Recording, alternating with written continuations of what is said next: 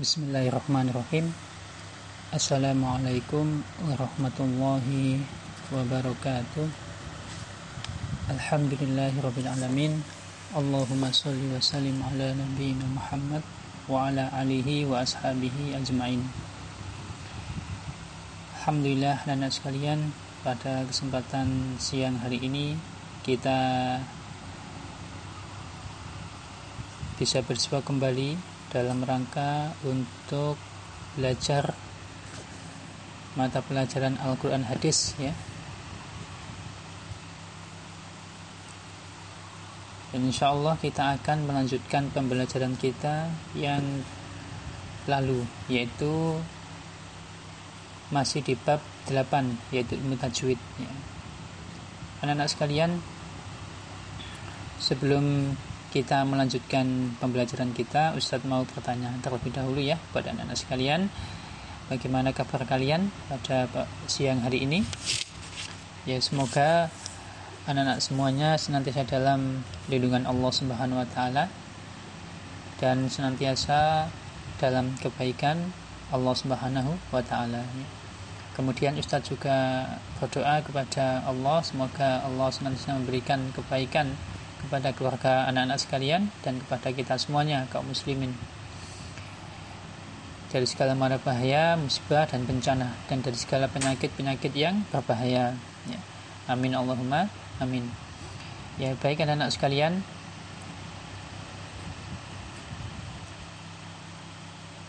Saat ini kita akan bersama-sama ya belajar terkait ilmu tajwid ya Ya pada kesempatan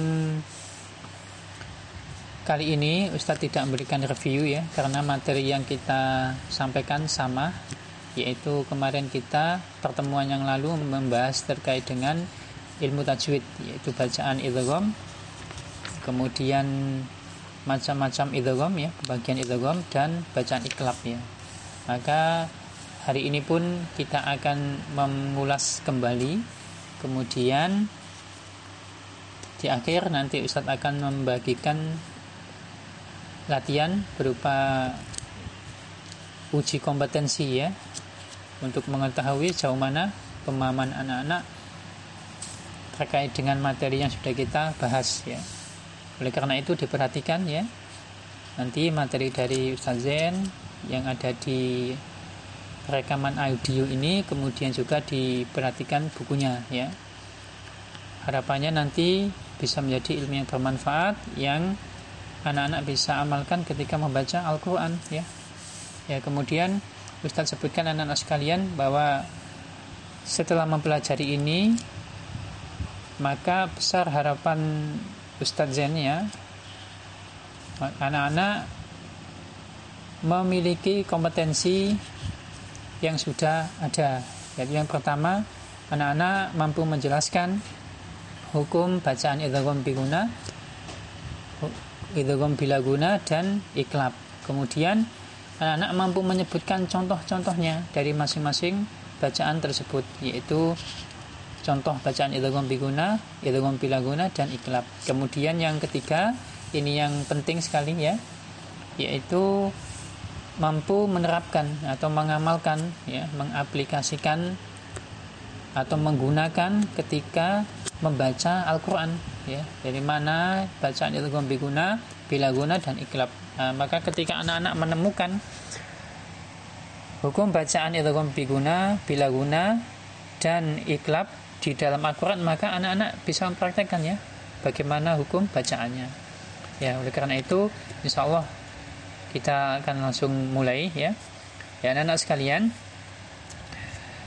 yang pertama adalah bacaan idgham ya, idgham. Idgham itu menurut bahasa artinya memasukkan ya. Menurut istilah atau menurut ilmu tajwid yaitu pengucapan nun sukun atau tanwin ya secara lebur ya atau melebur ya ketika bertemu dengan huruf-huruf idgham ya. Nah, huruf idgham ada berapa? Yang kemarin sudah kita sampai uh, kita sampaikan yaitu ada enam ya yaitu ya, nun, mim, waw, lam dan ro. Ya, ada enam ya. Hidup idgham ya, ada enam. Kemudian idgham sendiri anak-anak sekalian dibagi menjadi dua ya di sini ya. Di pelajaran kita pada hari ini ada dua ya di buku halaman 80 dibuka ya. Uh, idgham dibagi menjadi dua ya dalam ya, di buku kita ini yaitu idgham biguna dan idgham bila guna ya.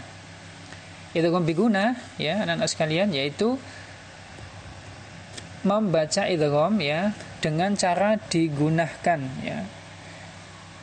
Maksudnya dengan cara didengungkan ya atau mendengung ya seperti itu.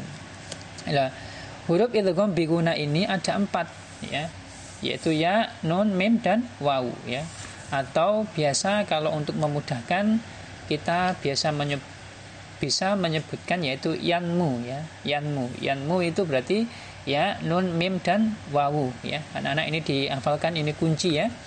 Uh, huruf idgham biguna itu ada empat. Apa itu? Yanmu ya. Apa yanmu itu? Ya ya nun mim dan wawu ya untuk memudahkan ya. Kemudian contohnya misalnya ya. Contohnya misalnya nun mati ya ketemu ya ya itu bisa dilihat di bukunya ya. Faman ya'mal ya. Faman ya'mal ya gitu. Jadi bacanya dengung ya. Kalau ada yang dibaca faman ya'mal ya salah ya. Karena nunnya dianggap tidak ada ya. Artinya sudah melebur sudah masuk ke huruf ya ya. Sebagaimana kita sampaikan secara bahasa idgham itu memasukkan ya. Jadi nunnya itu sudah gak ada ya.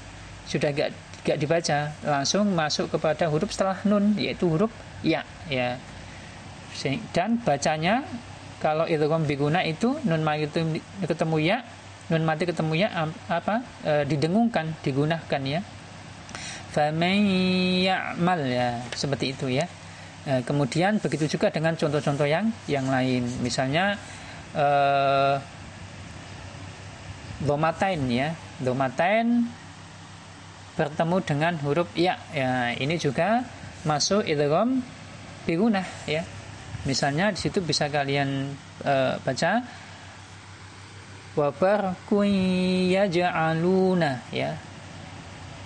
Ya, seperti itu bacanya. Tidak dibaca wabarkun ya. Ya, karena apa?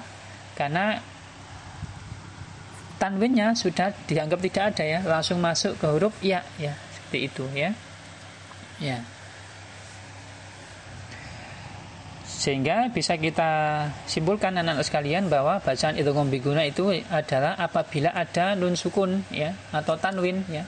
Tanwin dia bisa fathaten, kasroten, lomaten ya bertemu dengan salah satu huruf yang empat yaitu bisa bertemu dengan ya, non, mim atau waw. Maka cara bacanya dimasukkan kemudian didengung-dengungkan ya. Sedangkan contoh-contohnya bisa anak-anak lihat di buku ya, seperti itu. Kemudian anak-anak sekalian yang kedua idgham bila guna ya, idgham bila bila guna yaitu membaca idgham dengan tidak digunakan ya, dengan tidak didengungkan ya. Jadi kebalikan daripada idgham bila guna ya. Kemudian huruf idgham bila guna itu ada dua ya. Lam dan ro ya. Lam ro ya. Nah contohnya bisa kalian lihat di halaman 81 misalnya lam bertemu dengan eh, non sukun bertemu dengan lam ya. Maka cara bacanya yubayyil lana ya. Yubayyil lana ya.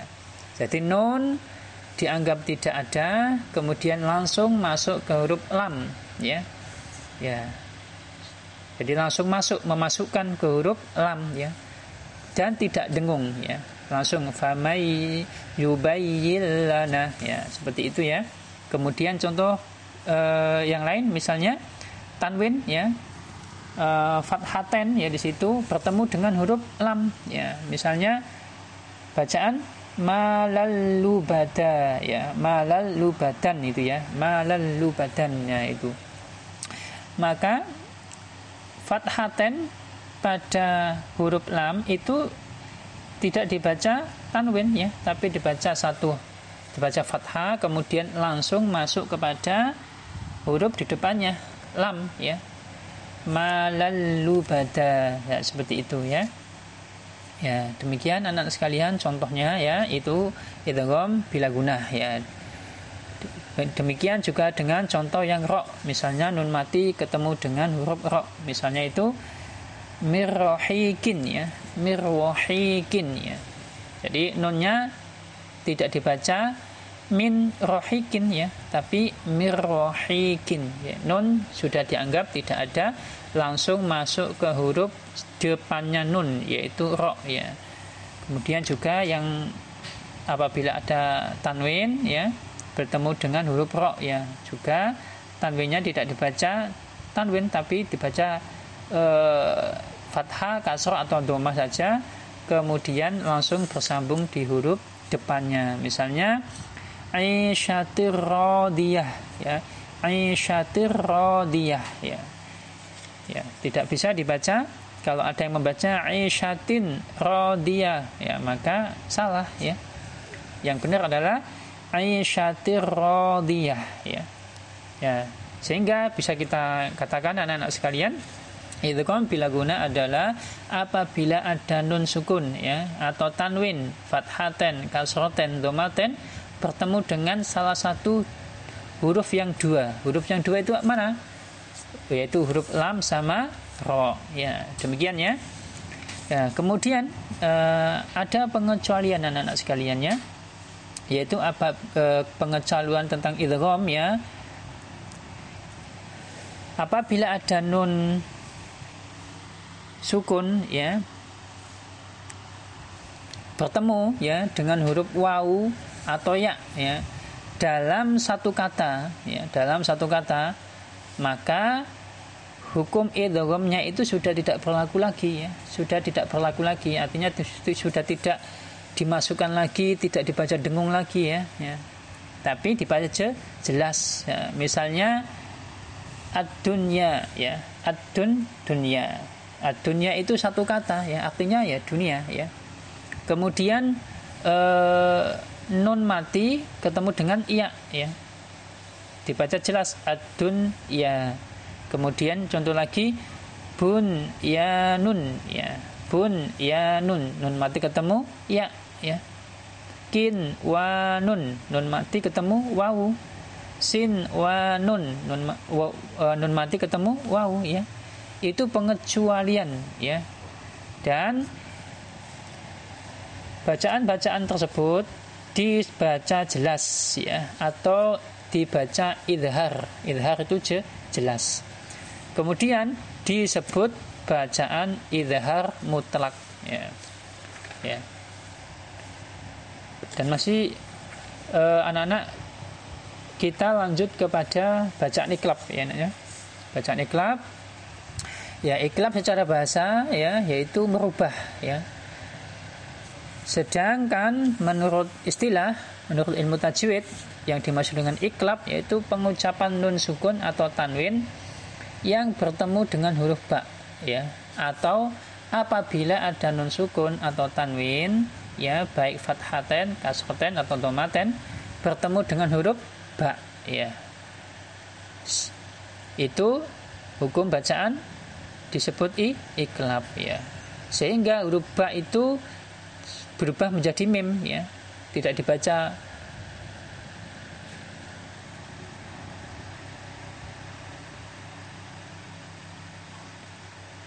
dan disertai dengan gu guna ya dan disertai dengan gu guna. Jadi misalnya nun sukun bertemu dengan huruf ba ya. Misalnya ambihum ya, ambihum ya itu ada nun sukun bertemu dengan huruf ba ya maka nun sukunnya tidak dibaca ya sudah tidak dianggap maka langsung ke masuk huruf huruf ba tapi huruf ba dibaca mim ya. Misalnya am ya dibaca ambihum. Ya seperti itu ya.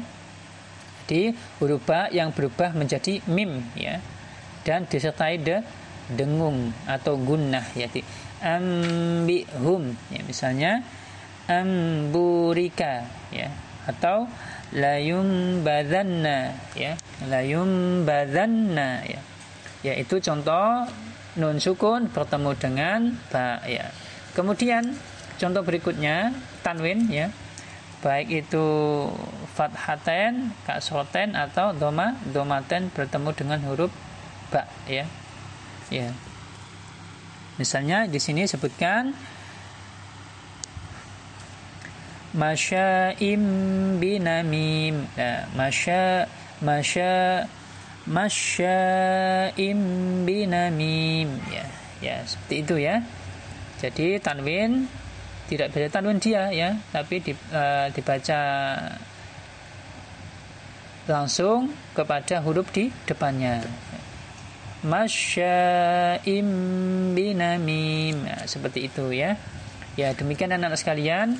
E, karena kemarin sudah Ustadz jelaskan ya dan ini sifatnya mengulangi, maka Ustadz cukupkan sampai di sini. Kalau ada yang masih belum dipahami bisa langsung ditanyakan ke Ustadz Zen lewat nomor HP Ustadz Zen atau materi ini anak-anak bisa putar berulang, berulang-ulang ya berkali-kali. Kemudian materi yang lalu juga bisa diputar kembali ya. Demikian anak sekalian ya, semoga menjadi ilmu yang bermanfaat untuk kita semuanya dan semoga Allah memberikan kemudahan kepada kita semuanya untuk memahami apa yang sudah kita pelajari. Setelah ini Ustaz Zain akan kirimkan uji kompetensi ya. Dan Ustaz Zain akan kirimkan uh, sebelum masuk ke uji kompetensi akan kirimkan uh, nanti contoh dari Al-Qur'an. Silakan nanti dijawab ya. Yang mana yang uh, Ustaz tanyakan di grup ya. Demikian akhirul kalam wa akhiru da'wana walhamdulillahirabbil alamin. Subhanakallahumma wa bihamdik asyhadu an la ilaha illa anta astaghfiruka wa atubu ilaik. Assalamualaikum warahmatullahi wabarakatuh.